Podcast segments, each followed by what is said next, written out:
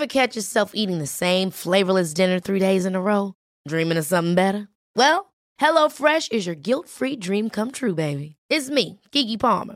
Let's wake up those taste buds with hot, juicy pecan-crusted chicken or garlic butter shrimp scampi. Mm. Hello Fresh. Stop dreaming of all the delicious possibilities and dig in at HelloFresh.com. Let's get this dinner party started.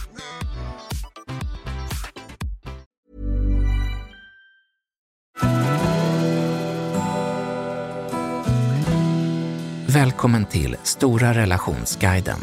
Podden där parterapeuten Anneli Östling tillsammans med sin sidekick Bella guidar dig genom allt som har med kärlek och relationer att göra.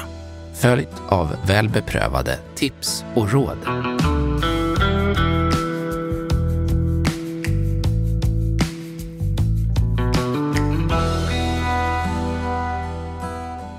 Anknytning betyder känslomässiga band mellan människor.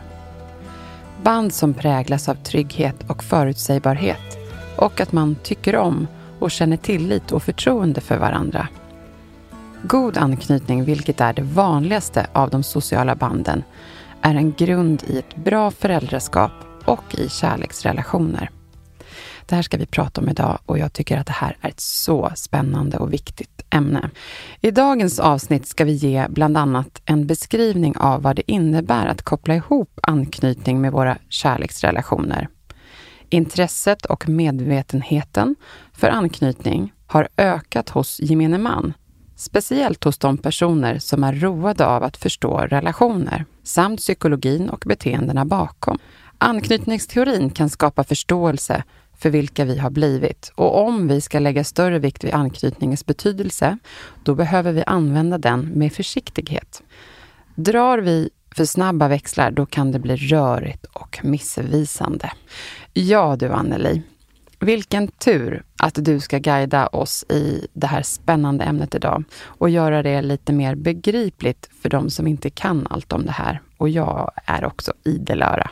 Absolut. Och det här avsnittet har jag längtat efter att få göra. Och jag vill också passa på att säga att det finns så mycket bra att lära sig och förstå om anknytning som kan underlätta livet. Därför kommer vi att behöva göra flera avsnitt för att få med allt. För att man verkligen ska kunna ta till sig all information. Mm. Så det här det, det, kommer bli ganska informationstungt, okay. men jag hoppas att vi ändå kan göra det aptitligt ja. och lättillgängligt. Och att om vi delar upp det på två avsnitt så kan man verkligen eh, ta in allt och få reflektera och tänka igenom det ordentligt också. Mm. Men då undrar jag, hur kan du ge en enkel beskrivning av det här då? Så att vi ska förstå vad det är vi ska få lära oss av dagens ämne. Ja, jag ska försöka göra en enkel beskrivning av anknytningsteori och hur den kategoriseras. Antingen är vi trygga, vilket gäller de flesta av oss, eller så är vi otrygga. Och otrygg anknytning delas in, sedan in i tre olika grupper. Otrygg undvikande, eller otrygg ängslig ambivalent och otrygg desorganiserad. Anknytningen grundläggs i huvudsak under våra första levnadsår genom att våra föräldrar och då framförallt mamman snappar upp och reagerar på de signaler vi sänder ut när vi behöver få våra behov tillgodosedda. Och hur väl denna skyddsrelation, som vi skulle kunna kalla den, eh, till föräldrarna utvecklas och fungerar kommer att påverka om vi under uppväxten och senare i livet blir självständiga och trygga och vågar närma oss andra människor. Får jag fråga en sak där? Jag är lite nyfiken. Mm.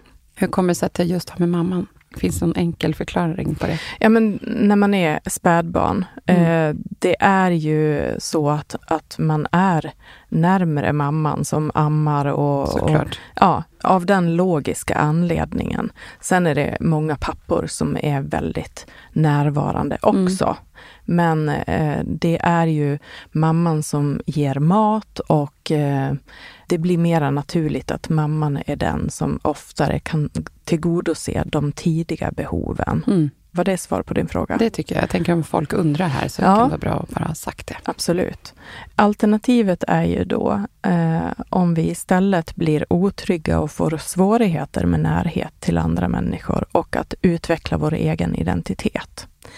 Det här är dock inte hela sanningen, utan den kan också ha med vår ärftlighet att göra, det vi brukar kalla goda gener. Alltså trots att vi fått svagt stöd under spädbarnstiden, barndomen och uppväxten, så kan vi klara oss bra. Och också det omvända, alltså även om vi fått detta stöd och omvårdnad, så kan man bli den otrygga sorten som vuxen. Det behöver vi också ha med oss om vi ska tolka anknytning och försöka identifiera vem vi upplever att vi blivit som vuxen. Så att allting är inte hugget i sten här. Det är Nej. viktigt att säga. Men för att göra det mer lättbegripligt så kan vi väl idag hålla oss till det som faktiskt påverkar oss som personer utifrån vår anknytning då. Och börja där. Vill du förklara anknytningsmönstren som delar in oss i de här olika kategorierna och beteendemönstren, Anneli? Mm, absolut.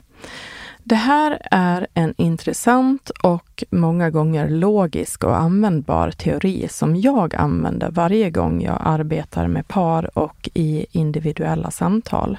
Den teorin ska vi fördjupa oss i idag, bland annat genom en del vardagliga exempel så att man kan känna igen sig och förstå de här så kallade mönstren bättre. Bra, men mm. då skulle jag vilja börja med att ställa eh, en fråga. Mm. Hur kan den här teorin och dess mönster påverka våra liv då? Alltså allt ifrån när man är ung vuxen, när vi ska välja partner och sen senare i, när man har olika kärleksrelationer. Tidig anknytning sätter sin prägel på vår personlighet och våra beteenden, tankar och känslor senare i livet. Framförallt när det gäller nära och intima relationer vår självständighet och vår förmåga att kunna ge och ta beskydd, alltså bli trygga eller ge trygghet. Mm. Det här är bra ingredienser i en fungerande kärleksrelation. Om vi i barndomen upplevt övergivenhet, utanförskap, skam och att vi inte har blivit mötta i våra känslor eller någon form av skuldbeläggning så kan sådana känslor lätt triggas igång av signaler och tankar som blir att bekräfta att våra tidigare erfarenheter om oss själva stämmer. Det kan skapa problem och gör att vi blir förvirrade i våra till synes fantastiska relationer. Vi kanske inte förstår vad det är som blir fel eller hur vi kan känna de här jobbiga känslorna. Okej. Okay. Mm. Eh, men eh, så du menar att eh, våra erfarenheter och beteenden som vi bär med oss från uppväxten, de kan senare förändras. Men det kräver att vi, eller liksom är kanske avgörande till och med, att vi jobbar, om vi jobbar med dem eller inte. Ja. Är det så? Ja. Och, och det är ju lite det vi kan ge information om idag, även om om man ska jobba med det så kanske man behöver fördjupa sig mera på egen hand mm. också. Mm. Och förmågan att söka och upprätthålla känslomässiga band med nära personer är ett starkt och grundläggande behov för oss människor under hela vår livstid. Våra vuxna relationer präglas ofta av relationerna som vi hade som små barn. Vår förmåga att förstå oss själva och andra underlättas av att vi kan tänka utifrån andras perspektiv. Och den här förmågan utvecklar vi redan som barn genom att våra föräldrar uppfattar och speglar våra känslor och sätter ord på dem så att vi förstår dem.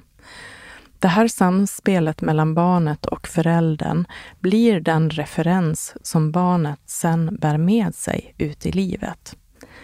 I anknytningsteorin kallas de här för arbetsmodeller och etableras redan när det lilla barnet är några månader. Oh, häftigt. Ja. Mm. Det här blir informationstungt, men mm. eh, jag kör på här. -huh. De här modellerna och tankar om oss själva och andra och omvärlden blir de filter som vi omedvetet sorterar våra känslomässiga intryck igenom under hela livet. Är du med? Mm. Som vuxna så märker vi inte när våra beteenden styrs av den här filtreringen av omvärlden, som ju delvis etableras redan när vi är små.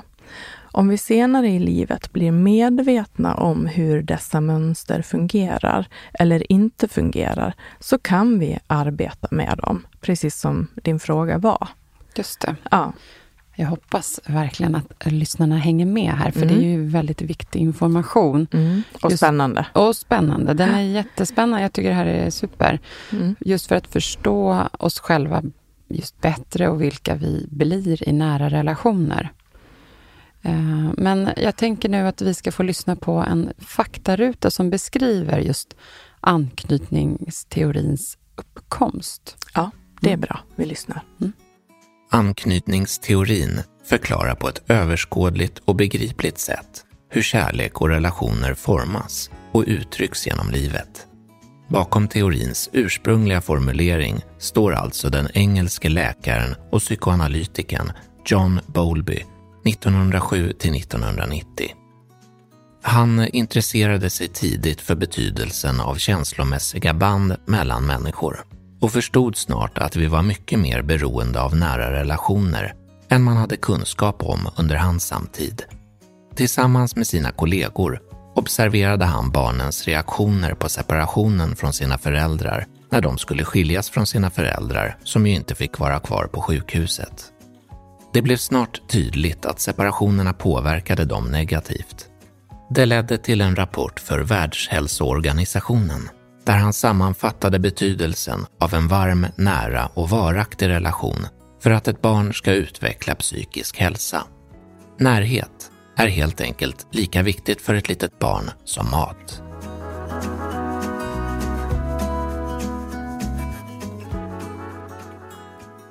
Jag skulle vilja att du berättar lite mer om de där olika mönstren och karaktärerna som formas av dem. Är det enkelt att förstå vem man har blivit och är idag, tror du, Anneli? Nej, som jag sa tidigare så behöver vi vara försiktiga med att dra för snabba slutsatser med att våra svårigheter med närhet i relationer och eventuellt separationsångest som ett exempel har att göra med våra föräldrar och att de inte har tagit hand om oss. Eh, det kan ha med andra händelser i uppväxten eller i vuxenlivet att göra också. Jag ska ta och sammanfatta hur man kan känna igen de här olika anknytningsmönstren. Mm. Det kanske blir till hjälp. Det är bra. Vuxna som har en trygg anknytningsstil är mer benägna att skapa och leva i nära, djupa, stabila och harmoniska kärleksrelationer. De har ofta en positivare livssyn och syn på sig själva och andra och är mer självständiga och tillitsfulla och de investerar ofta mera i sina barn. De är heller inte så oroliga över att bli övergivna och har lättare för att hantera sina känslor och tillfälliga motgångar. Just det. Och det här är egentligen den enda som är den trygga anknytningsstilen. Mm. Och här känner man ju faktiskt att det, det, man vill ju vara just den här typen. Mm. Kan du ge ett exempel på hur man kan bli trygg utifrån sina föräldrar eller andra vårdnadshavare? Så kanske vi kan få lite tips här till de föräldrar som lyssnar eller andra som är intresserade för den delen. Mm.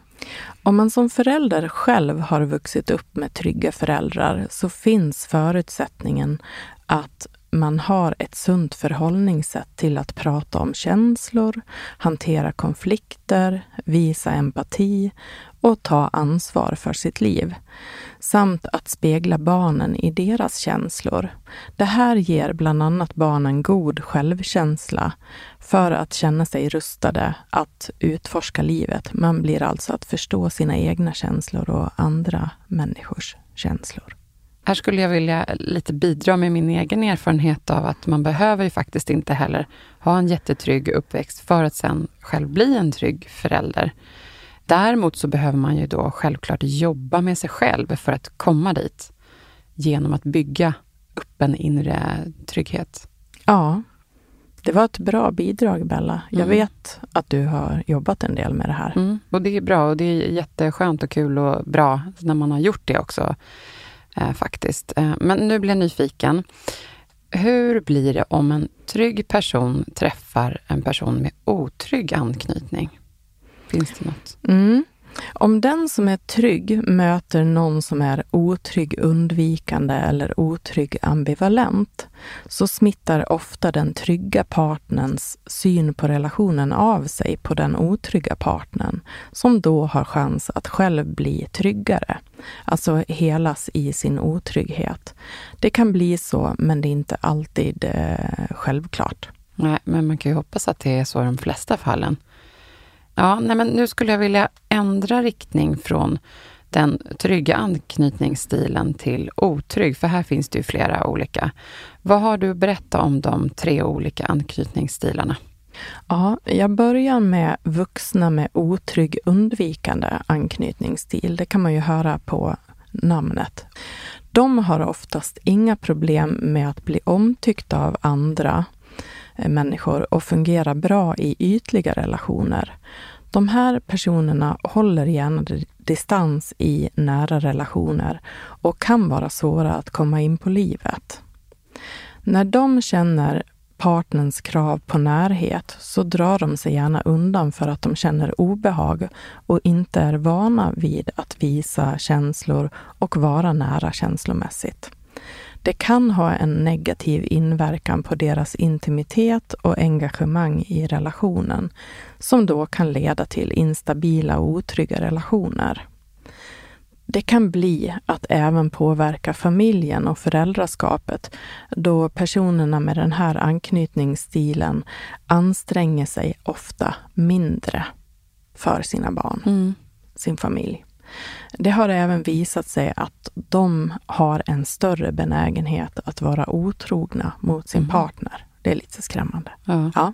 Okej, okay, så trevliga omtyckta så länge de får hålla sig lite på avstånd. Har jag förstått det rätt? Mm. Ja, det här tycker jag att jag kan känna igen lite hos vissa personer som, som man har i sitt liv. Eh, och man kan ju uppleva dem som att de har en hög integritet eh, och någonting som jag kan gilla. Men jag kan också förstå att det kan bli svårt för en partner som inte känner sig insläppt eller kanske inte kan komma nära. Men eh, hur blir man just otrygg undvikande då? Det kan man bli om man växer upp med föräldrar som själva håller distans det kan bli besvärande när barnen söker närhet och till exempel vill sitta i knät medan föräldrarna hellre sätter ner sitt barn på golvet än att, eh, att sitta och hålla om sina barn. Mm. Man är inte van vid det helt man enkelt. Man vill inte vara nära, ha närhet. Nej, liksom. man vill Nej. inte ha närhet. Och som barn lär man sig då att det är lättare att få kärlek och bekräftelse genom att hålla sig lite på avstånd. Mm. För det är då föräldern fungerar som bäst. Just det, det är ju rimligt att mm. det blir så. Och det är också vanligt att man som förälder inte pratar om känslor eller är fysiskt nära varandra genom till exempel kramar. Ja. ja, det där låter ju lite, vad ska man säga, sorgligt på något vis ändå. Eller det tycker jag. Mm. Men såklart också logiskt att man behöver skydda sig själv på det här sättet. Genom att just inte efterfråga något som man lärt sig att man ändå inte kommer att få. Ja, du menar erfarenheten från föräldrarna? Ja, men precis, mm. att det speglar det. Man gör det man har sett. Ja, så. ja man lever som man lär. Ja, ja. precis. Mm. Jag har faktiskt en liten fråga i, i det här generellt, mm. som jag kom på. Mm. Hur vanligt är det att folk har självinsikt om vad man har för sån här? Tror du att folk har det? Det jag möter när jag jobbar med människor i det här är att man ofta känner en lätt lättnad, att man kan förstå sig själv lite bättre. Och det, det tyder på att man kanske inte hade så mycket koll på det här innan. Men när jag ställer frågor och påvisar att det här beteendet kan komma ifrån barndomen, när man får titta på hur föräldrarna har varit, så blir många glada och lättade mm. av att ja, men då, då förstår jag mig själv bättre. Just det, man får en större förståelse för hur man har blivit än man har blivit. Ja, precis. Bra, det är därför det här är så intressant. Ehm, mm. Men då tänker jag att vi ska gå vidare till nästa kategori. Vilken är det? Jo, vuxna med ängslig ambivalent anknytning. De bär ofta på en rädsla för att bli avvisade och har ofta separationsångest. Deras starka önskan om närhet, att känna sig älskad och omhändertagen, kan lätt skrämma iväg människor som de har en nära relation till. Vissa kan till och med av eh, just de personerna med den här anknytningen kan till och med helt undvika att gå in i relationer då de är så rädda för att bli övergivna. Okej, okay, men jag tänker om jag ska förenkla men ändå ställa frågan för att förstå lite bättre. Är det här alltså personer som eh, kan upplevas som att de behöver mycket bekräftelse? Som aldrig riktigt kanske får nog och, och till och med kan eh, upplevas lite nidig? Typ så. Ja, jag skulle kunna säga ja på den frågan, eh, enkelt förklarat. De här personerna är väldigt lyhörda för andras sinnestillstånd. Eh, man kan överanalysera och göra allt för att få känna sig eh, trygg.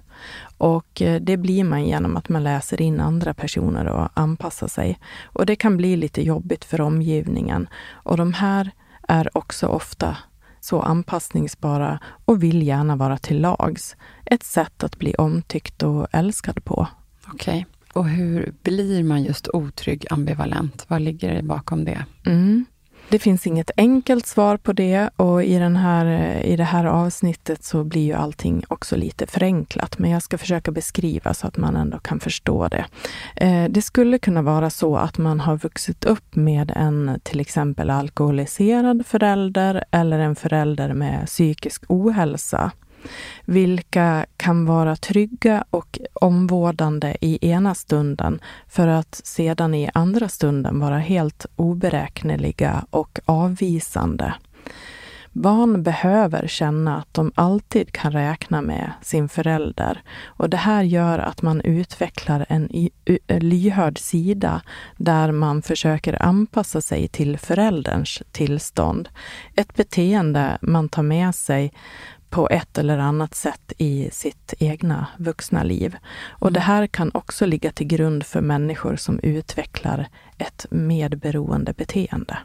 Okej, okay, men, men handlar det här bara om föräldrar med alkoholproblem eller psykisk ohälsa?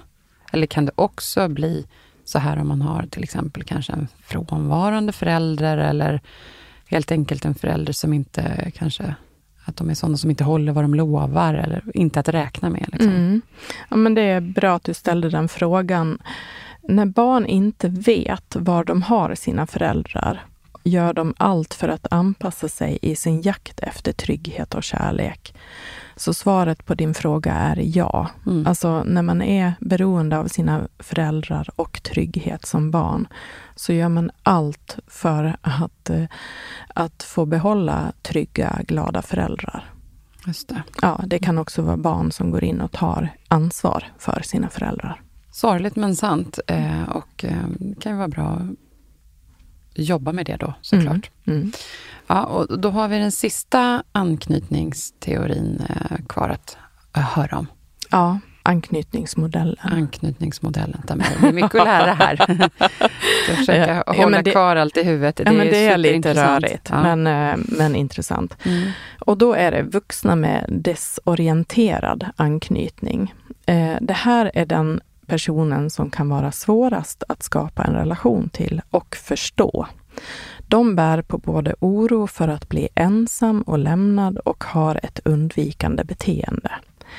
Den här karaktären är känd för att de ofta hamnar i särskilt svåra problem i sina relationer och hamnar också oftare i psykisk ohälsa och psykosociala problem själva.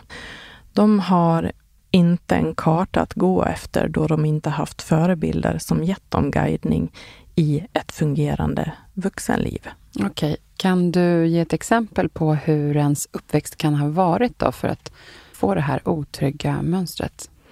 Ja, man kan höra på ordet desorienterad att det handlar just om att inte ha fått lära sig ett fungerande levnadssätt. Exempelvis så enkla saker som att betala räkningar, fungera socialt med andra människor, förstå konsekvenser av sitt eget handlande eller att bygga fungerande relationer. Föräldrar eller vårdnadshavare kan vara till exempel missbrukare av något slag, vuxna som inte kan ta hand om sig själva, som inte har lyckats skapa en egen försörjning eller har psykisk ohälsa. Mm. Då måste jag säga att jag tycker verkligen att det är förståeligt att personer som har vuxit upp så här att de kan ha svårare att fungera i relationer. Det är ju helt självklart. Ja, och i samhället. Ja, och i samhället, precis. Mm. Och att de ska våga lita på att komma nära andra människor. Mm. Det går ju faktiskt inte att undgå att man känner skillnaden mellan just trygga och just otrygga anknytningsmönster här. Och hur det kan påverka den vuxna nära relationen. Men eh, hur kan man då upplevas som otrygg? Vad är det man möter hos de här personerna? Ja, som jag sa tidigare så ska man akta sig för att dra för stora växlar på det här eh, om man inte är säker.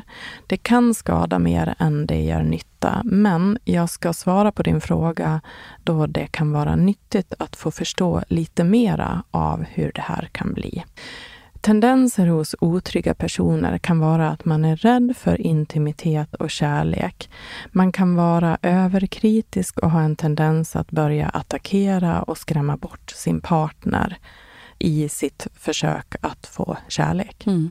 Och när en otrygg undvikande person möter en otrygg ambivalent eller desorienterad uppstår ofta karaktärerna av att en kräver och den andra undviker. Och ju mer den ena kräver, desto längre bort försvinner den som undviker. Eller så kan det te sig som att den ena kritiserar och den andra försvarar sig. Det är vanligast att kvinnan i en heterorelation är den som kräver och kritiserar och att mannen är den som undviker och går till försvar, enkelt uttryckt. Ibland kan det vara det omvända också, att kvinnan undviker och mannen kan upplevas som klängig, ängslig och krävande. Och i det här senare fallet leder det också ofta till ett sexuellt missnöje i relationen. Det är en vanlig konsekvens av den här obalansen. I övrigt är det inte så stor skillnad mellan kvinnor och män när det gäller olika anknytningsstilar och mönster. Okej, okay. då tänker jag att det här är perfekt nu att få lyssna lite på vad folk har för tankar om just anknytning. Eh, det vore väldigt spännande att höra. Mm. Vi lyssnar. Mm. För mig betyder anknytning en form av trygghet där man söker sig till mm, när man känner sig otrygg eller osäker, särskilt som barn. Jag tänker kopplingen till en annan människa. Jag tänker på trygghet, jag tänker på kärlek, jag tänker på omtanke och jag tänker på gratitude. Alla människor i min omgivning som jag har något typ av band till. Det kan vara mina föräldrar, eh, min pojkvän, mina vänner. So for me connection is about understanding and also a lot of trust and knowing each other very, very well. For me, connection is general. It's a relationship between people, and it could form in different ways. But my personal preference for this is trust and love and friendship. Saker jag knyter an till. Alltså jag har precis begravt min 17-åriga lillebror och sådär. Så när, när, du säger anknytning så tänker jag sånt liksom. Så här. Jag tänker inte på uppväxtår och sånt där. Liksom, så här. Absolut inte. Absolut inte. Känslan av att höra ihop och att eh, barnet vet var det ska söka trygghet någonstans. Att den litar på att den kommer få stöd. Jag tänker på känslomässig anknytning, hjärta till hjärta, att man kan dela känslor och trauman och allt i livet. Anknytning för mig handlar mycket om barndom och uppväxt och hur jag har eh, liksom relaterat till mina föräldrar och hur jag har sökt uppmärksamhet och bekräftelse och hur jag har fått kärlek och inte. Och att beroende på hur den har varit så påverkar det mig senare i livet.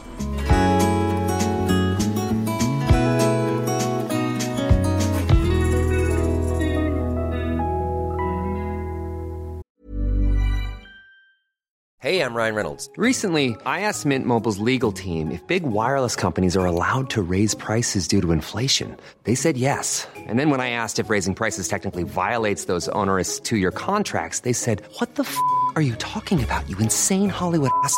So to recap, we're cutting the price of Mint Unlimited from $30 a month to just $15 a month. Give it a try at mintmobile.com slash switch. $45 up front for three months plus taxes and fees. Promo rate for new customers for limited time. Unlimited more than 40 gigabytes per month. Slows. Full terms at mintmobile.com.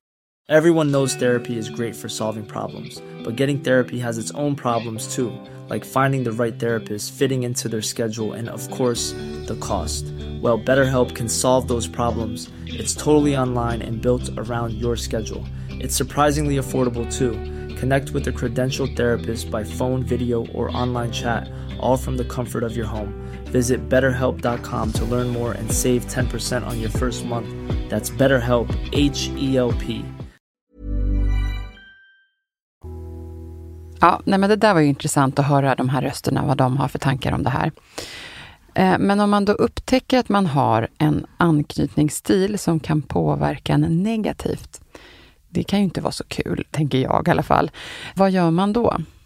Och det är det här som är poängen med allt vi pratar om i våran podd. När vi gör någonting som inte fungerar så behöver vi göra saker på ett nytt sätt. Som vuxna blir livet mycket svårt och komplicerat om vi ska fortsätta att skydda oss så som vi gjorde när vi var barn. Vi kan till och med upplevas som obegripliga och patetiska om vi bär med oss vårt gamla beteende där vi flyr, fäktar eller beter oss allmänt dåligt för att vi hittade en överlevnadsstrategi som barn när vi Mm. inte fick våra behov tillfredsställda. Nej, och då kan man fråga sig hur mycket andra ska få sota för det, om man säger. Ja, där är ju det enkla svaret att vi har ett eget ansvar Mm. att, eh, att se till att kunna ta ansvar för hur vi är mot andra människor. Och vi behöver lära oss att förstå och kunna hantera våra egna känslor. Jag skulle också kunna beskriva det med att det finns en vänster och en höger hjärnhalva. Om vi bara följer höger hjärnhalva, där våra känslor finns, utan att ta hjälp av den vänstra hjärnhalvan som står för logik och där man har ett rationellt tänkande, så kan livet bli mera komplicerat. Alltså det är det man brukar kalla känslostyrda människor. Mm. Det ultimata är om man kan hitta ett samspel mellan höger och vänster hjärnhalva för att kunna hantera och förstå våra känslor bättre och eh, konsekvenstänk helt enkelt. Samtidigt som vi också kan hantera situationer bättre om vi kan ha ett logiskt tänkande för att bli mera handlingskraftiga och utvecklas med våra utmaningar. Kan vi ha ett logiskt tänkande kan vi också lättare förstå vår partner och vad vi behöver göra för att fungera tillsammans. Men så du menar att man kan påverka och förändra gamla känslomässiga minnen genom att också använda sig av logiskt tänkande och sunt förnuft? Just för att eh, fungera bättre i våra förhållanden som vuxna. Ja, absolut. Och om vi blir medvetna om och lär känna oss själva bättre så kan vi också förändra våra tankar och bli trygga i nya förhållningssätt som skapar positiva känslor och att vi då förhoppningsvis märker att vi möts av en annan respons. Eh, men det krävs medvetenhet. Och om vi lär oss att förstå våra egna känslor bättre så kan vi också förstå andras. Och då blir de inte så skrämmande och hotfulla när vi möter dem. Mm, nej, jag förstår det.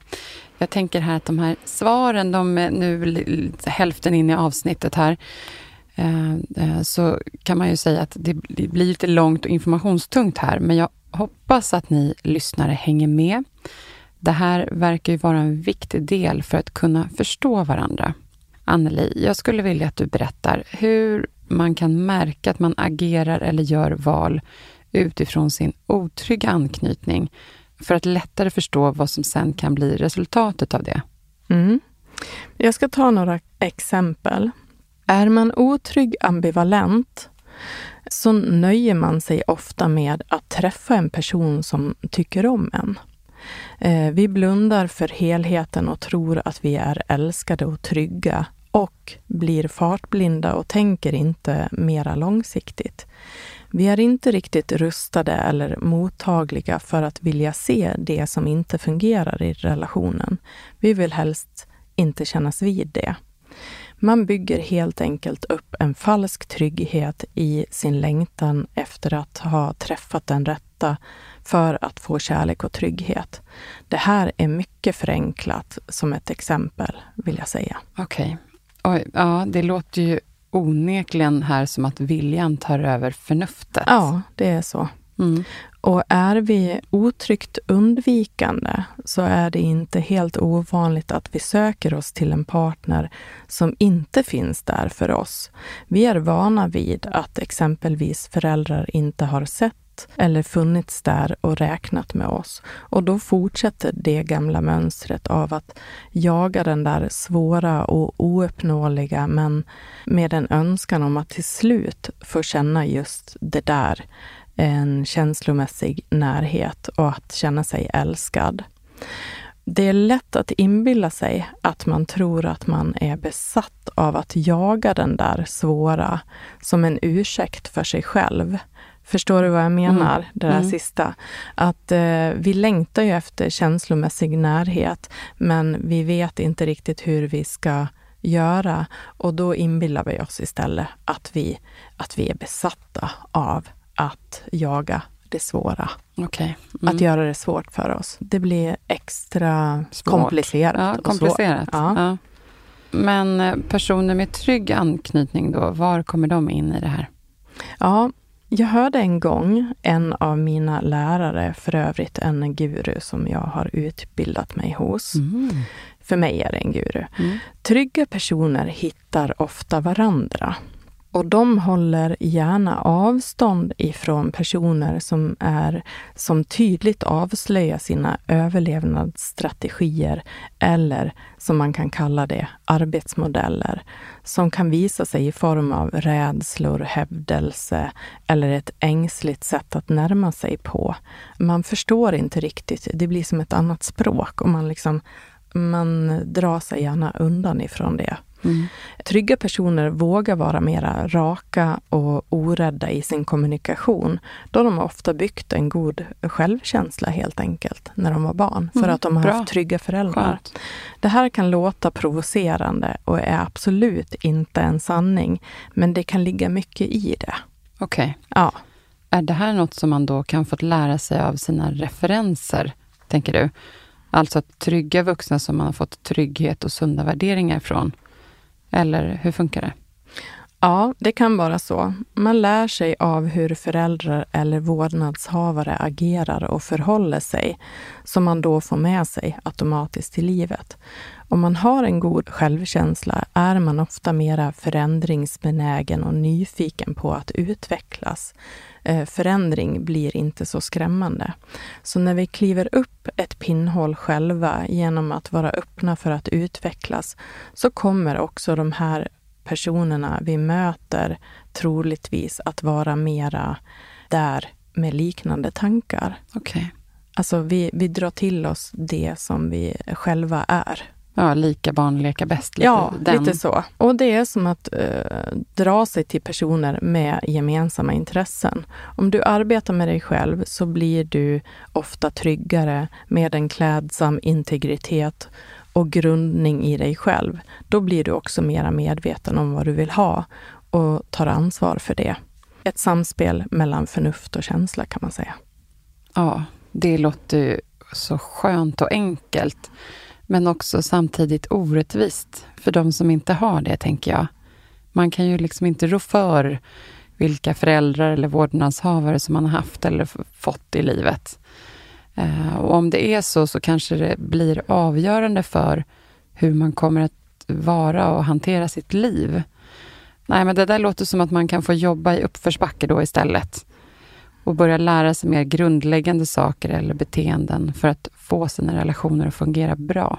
Ja. Eller så kanske man märker när det inte fungerar bra, att det här är någonting som jag kanske ändå behöver jobba med. Ja. Först tittar man på den andra och sen behöver man titta på sig själv. Ja, det behöver inte vara negativt. Det kan bli en spännande resa och som faktiskt kan få en att växa på ett extra kraftfullt sätt.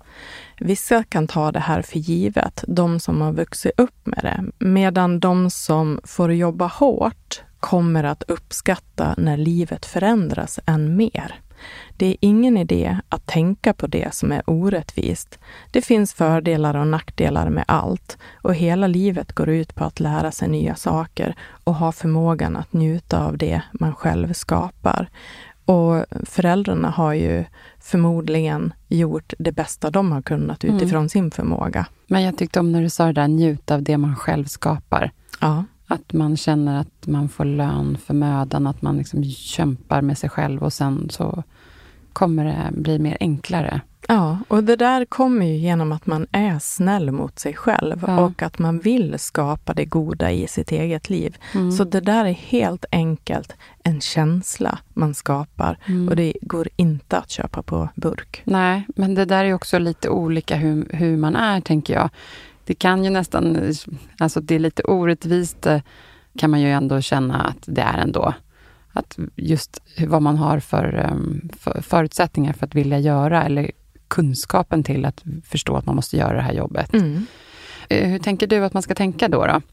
Vad behöver man göra för att påbörja det här arbetet med sig själv?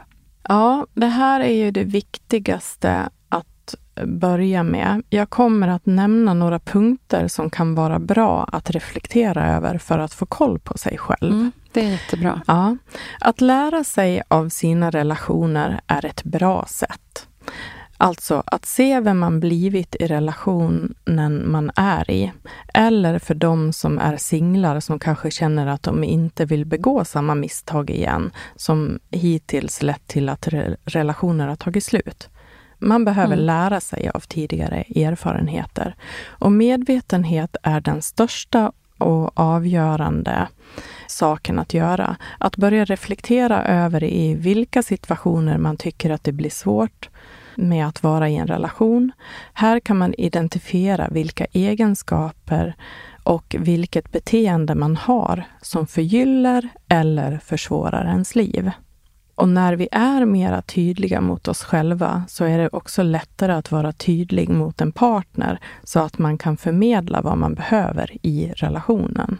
Vi kan ofta se hur vi blivit lik någon förälder eller vårdnadshavare här och utifrån det bättre förstå vad som fungerar eller inte i en relation genom att se hur föräldrarnas eller vårdnadshavarnas relationer fungerat. Mm. När Ja. man börjar titta på det med, med liksom mi- mikroskopögat, då kan det ju bli Ja, det, det är väl en del intressant. av att använda sig av anknytningsteorin, Mm. tänker jag. Man behöver akta sig för att partnern ska vara den som gör oss lyckliga och som ska fylla våran tank. Vi behöver kunna ge bekräftelse och kärlek till oss själva och lära oss att fylla vår egen tank till att börja med. Annars blir vi för sårbara och påverkas för mycket av hur partnern väljer att agera. Mm. Det kan man säga att då är man inte så självständig när man förlitar sig för mycket på någon annan. Nej. Gör dig själv viktig. Vad behöver jag? Vad vill jag? Och vilka förväntningar vill jag kunna ha på min partner? Man behöver själv kunna avgöra om det är okej att vilja ha det jag vill ha. Förstå sina egna behov och kunna ta ansvar för dem, Mm. helt enkelt. Vad mycket lättare det skulle vara om man hade tänkt igenom det där. Mm. Det är kanske först när man hamnar i, i kris eller svårigheter som man just förstår att det är viktigt. Mm. Men sen ska man också försöka passa ihop det här med en partner också och dens bakgrund och Ja. insikter. det låter arbetsamt Ja, det här.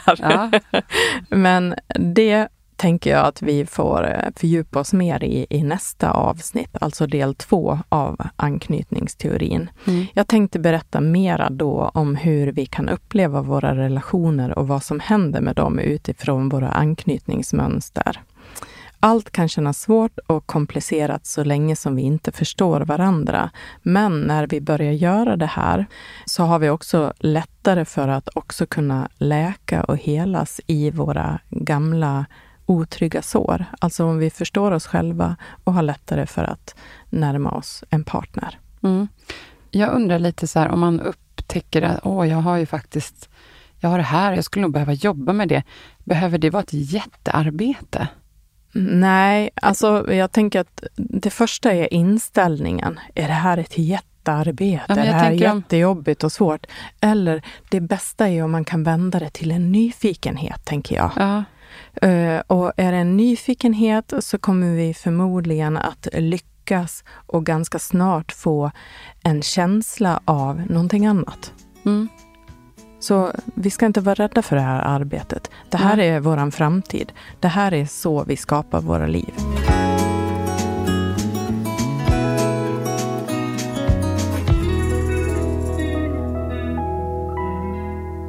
Nej, men för nu är det faktiskt dags att avrunda. Men först så skulle jag vilja att du ger oss några tips och, Mm. och råd som vi kan börja arbeta med redan efter att man har lyssnat på det här avsnittet. Mm. Det vore ju väldigt bjussigt. Om du och din partner har svårt för att kommunicera och förstå varandra, ofta hamnar i gräl, har mer otrygga, frustrerande stunder ihop än upplever glädje och närhet, så kan det vara dags att på riktigt försöka förstå varandra och varandras reaktioner. Bara att börja visa omtanke och vilja förstå den andras reaktioner brukar lugna nervsystemet och ge en känsla av lättnad och kärlek faktiskt. Och det krävs dock en viljeansträngning och att kunna lägga stolthet och gamla lagrade oförrätter åt sidan. Och eh, jag går till nästa punkt. Mm. För att närma sig sin partner och påbörja strategin att vilja utvecklas tillsammans och förstå den andra bättre, så är det fördelaktigt om man kan börja att tänka så här. Nu ska jag läsa något här. Det är normalt att min partner känner oro i relationen. Bara för att det finns oro betyder det inte att partnern kritiserar mig. Jag vill vara öppen för vad han eller hon har att säga och försäkra mig om att det är säkert för partnern att ta upp saker med mig. Jag känner mig också trygg att dela mitt ärliga svar och vara öppen med mitt perspektiv och samtidigt vara engagerad i detta utmanande samtal med min partner. Mm. En inställning helt enkelt. Ja. Jag går vidare. Om du eller ni ska ta hjälp av anknytningsteorin så kan det vara bra att läsa på för att förstå hur man kan ta hjälp av den. Det finns information om man söker på nätet på John Bowlbys anknytningsteori. Jag kan också varmt rekommendera en bok med titeln Hemligheten som är en lättläst och pedagogisk bok som beskriver hur närhet fungerar och varför den ibland inte fungerar utifrån anknytningsteorin. Ja, och den. Mm. ja, den är skriven av bland annat Egil Linge. Mm. Eh, den kan lätt blandas ihop med en annan bok som också heter Hemligheten. Och, Mm. och, men det här är en bok av Egil Linge. Då. Ja, men det är superbra med såna här eh, jättekonkreta tips. Mm. Och då går jag till nästa punkt som är den sista då. Något som är bra att börja med är att var och en funderar på vilka egenskaper man har som person och vilka av dem som man har ärvt eller lärt sig från någon av föräldrarna eller någon vårdnadshavare i sitt liv. Vissa av egenskaperna kan bidra till att försvåra ens liv som vuxen, medan andra kan vara bra och välfungerande i relationer med andra. Precis, man kan få med sig mycket bra saker som är, man är jätteglad för. Ja. Konflikträdsla, flyktbeteende, att gå till försvar eller tystna kan vara några av de egenskaper som kan försvåra. Att känna sig trygg med att prata om känslor, tydlig kommunikation och självständighet kan vara egenskaper som fungerar bra. Det beror dock på hur rustad partnern också är att möta en i det här. Mm. Det är ett samspel. Det är också en viktig förutsättning. Ja, men just att göra den här egna identifieringen själv.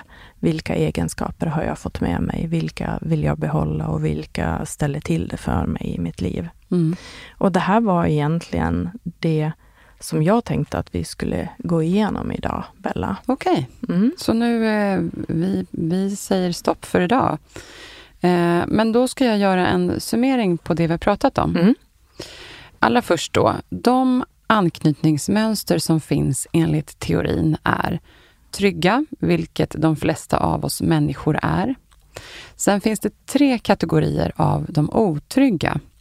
Bland annat otrygg undvikande, det är när vi undviker att komma för nära en partner. Eller otrygg och ängslig, det är när eh, vi kan upplevas som osäkra och lite klängiga.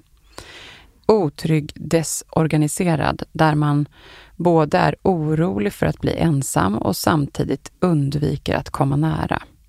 Och sen ska vi också faktiskt nämna att eh, för att använda oss av anknytningsmönstren och förstå oss själva och vår partner, så behöver vi ju lära att känna de här kategorierna. När vi själva eller partnern reagerar starkt och till och med överreagerar eller för den delen bara tystnar och kanske till och med drar sig undan, så finns säkert känslomässiga minnen kvar som triggar den här känslan. Vi kan ju ha stor hjälp av det här, men behöver också vara försiktiga innan vi drar för stora växlar i analysen av vår partner och oss själva utifrån den här anknytningsteorin. Mm. Och till sist då, om våra anknytningsmönster gör att det inte fungerar så bra i relationen, då finns ju alla möjligheter att jobba med dem och lära känna oss själva bättre, för att sedan kunna avidentifiera oss från beteenden som vi vill få bort. Mm. Det är då vi kan förändra våra tankar och bli trygga i nya förhållningssätt som skapar positiva känslor och att vi märker att vi får en annan respons. Det går också att helas tillsammans i en relation när vi fått en större medvetenhet om våra anknytningsmönster och det låter bra tycker jag. Mm. Ja, men jag tror att det här var ett bra avslut på det vi pratat om, eller vad säger du Anneli? Ja, jag tycker att din summering här eh, lugnar mitt nervsystem. Ja, vad bra. Ja, men det, det blev att landa på något Ja. sätt. Jag tycker du har fått med bra saker. Mm. Och eh, har man frågor som man vill ställa så kan man skicka in dem till mejladressen som man hittar i själva poddinformationen. Om Ja. man vill ställa lite mer frågor om det här. Ja, bjussigt. Mm. Tack så jättemycket för den här lektionen om anknytning, Anneli. Jag förstår varför du har pratat så mycket om det här eh, och att den är betydelsefull i ditt arbete. Mm. Eh, Jag ser också väldigt mycket fram emot att vi ska få fortsätta med del två som då kommer redan i nästa avsnitt. Så, då säger vi tack alla ni som lyssnat och glöm inte att gå in och följa oss på sociala medier. Vi skulle också bli glada om ni vill gå in och eh, stötta oss genom att skriva en recension på podcaster om ni vill. Ja, eller Ja. på Spotify. Tack. Hej. Tack.